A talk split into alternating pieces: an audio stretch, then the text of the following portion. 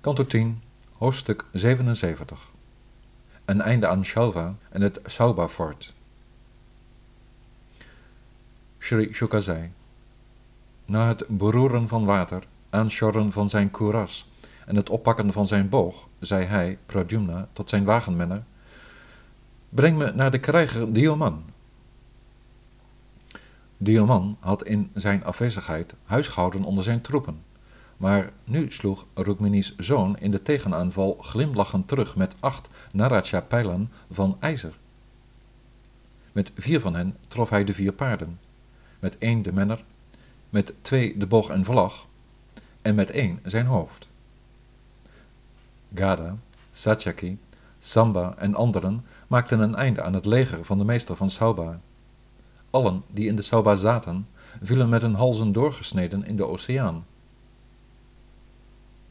27 dagen en nachten hield toen de tumultueuze en angstwekkende strijd aan tussen de elkaar aanvallende Yadus en de volgelingen van Shalva.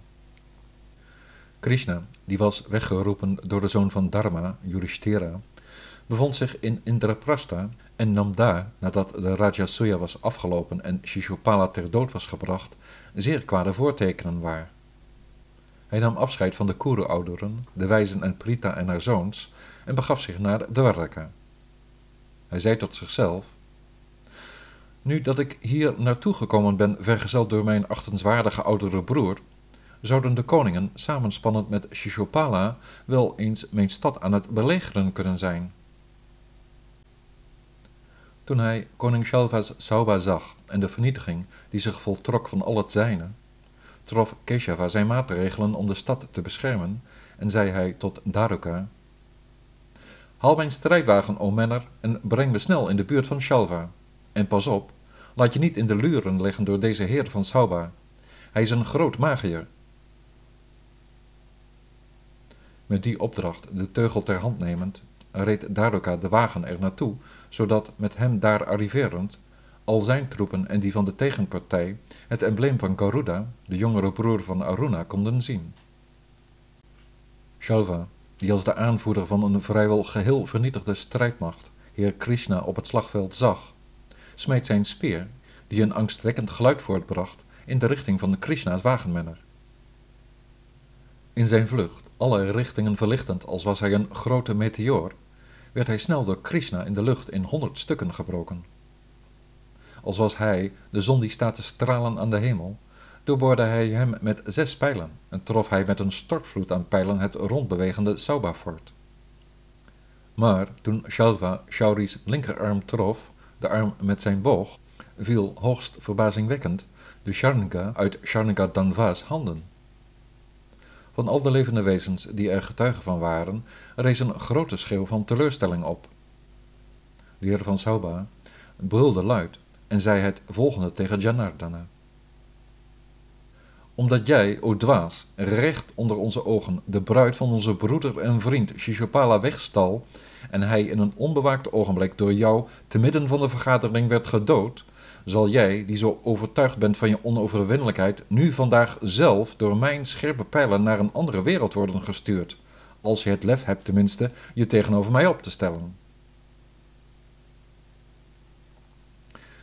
De Allerhoogste Heer zei, Jij sufkop staat te snoeven zonder door te hebben dat je dood nabij is. Helden staan niet te ratelen, maar laat dan liever zien waar ze toe in staat zijn.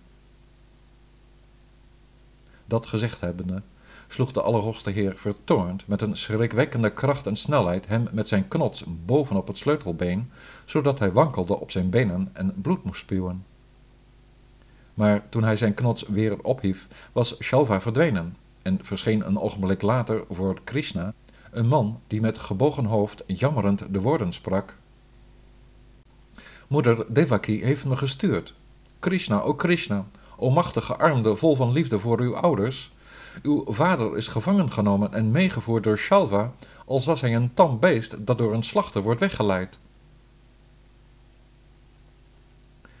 Deze verontrustende woorden horend, sprak Krishna, die de menselijke aard had aangenomen, uit liefde ontgoocheld en met mededogen alsof hij een gewoon mens was. Hoe kan die zielige Shalva nu mijn vader ontvoeren en Balarama verslaan, die niet van zijn stuk te brengen is, noch door Sura of Asura kan worden verslagen. Het lot is werkelijk machtig. Nadat Govinda dit gezegd had, kwam de meester van Soba op Krishna af, alsof hij Vasudeva vooruitduwde, en zei hij het volgende. Hij hier is degene die jou verwekte en voor wie jij leeft in deze wereld. Ik zal hem hier recht voor je neus doden. Red hem maar als je kan, stuk onbenul. Nadat de magier al dus zijn minachting had getoond, sloeg hij het hoofd van de Anakadundubi eraf, nam het beet en stapte in het Sauba-voertuig dat in de lucht zweefde. Ondanks zijn volle kennis en grote onderscheidingsvermogen bleef hij uit liefde voor degenen die hem dierbaar waren voor een ogenblik verzonken in zijn normale menselijkheid. Maar toen drong het tot hem door dat Shalva zich van een demonische goocheltruc had bediend, die was ontworpen door Maya Danava. Gealarmeerd op het slagveld ontwakend als uit een droom, zag hij nergens de boodschapper, noch het lichaam van zijn vader. Toen hij merkte dat zijn vijand boven zijn hoofd in zijn sauba rondzweefde, besloot Achyuta hem te doden. Dit is hoe sommige wijzen die het niet goed beredeneren, het onder woorden brengen, o onder de koningen. Zeker verkeren ze dan in tegenspraak met de uitlatingen die ze zelf deden, maar weer hebben vergeten. In welk opzicht zou het weeklagen, de verbijstering, de emotie of de angst, die allemaal voortkomt uit onwetendheid bij de oneindige horen, in wie men de onverdeelde volledigheid aantreft van de wijsheid, de geestelijke kennis en de wilde? Zij, die, gesterkt door het in zelfverwerkelijking dienst verlenen aan zijn voeten, het lichamelijk levensbegrip uitbannen dat van oudsher de mens verbijstert, bereiken de eeuwige glorie in een persoonlijke relatie met hem. Hoe zou er dan sprake kunnen zijn van enige verbijstering met de hoogste bestemming der waarachtigen? En terwijl Shalva met veel geweld hem aanviel met een stortvloed aan wapens, doorboorde Heer Krishna, wiens vermogen nimmer faalt, met zijn pijlen zijn kuras, boog en kroonjuweel en sloeg hij met zijn knots het Sauba-voertuig van zijn vijand stuk. In duizenden stukken uiteengeslagen door de knots in Krishna's handen, stortte het in het water. Shalva kroop eruit, nam een positie in en stormde toen met zijn knots in de hand op Krishna af. Terwijl hij op hem afkwam met een geheven knots, scheidde Krishna met een balla snijpijl zijn arm van zijn romp.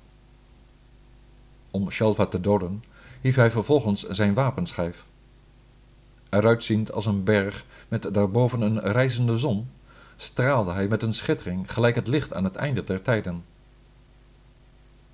De heer scheidde het hoofd van de romp van die meester der toverkunsten ermee, compleet met oorhangers en kroon, net zoals heer Indra Vritrasura onthoofde met zijn bliksemschicht.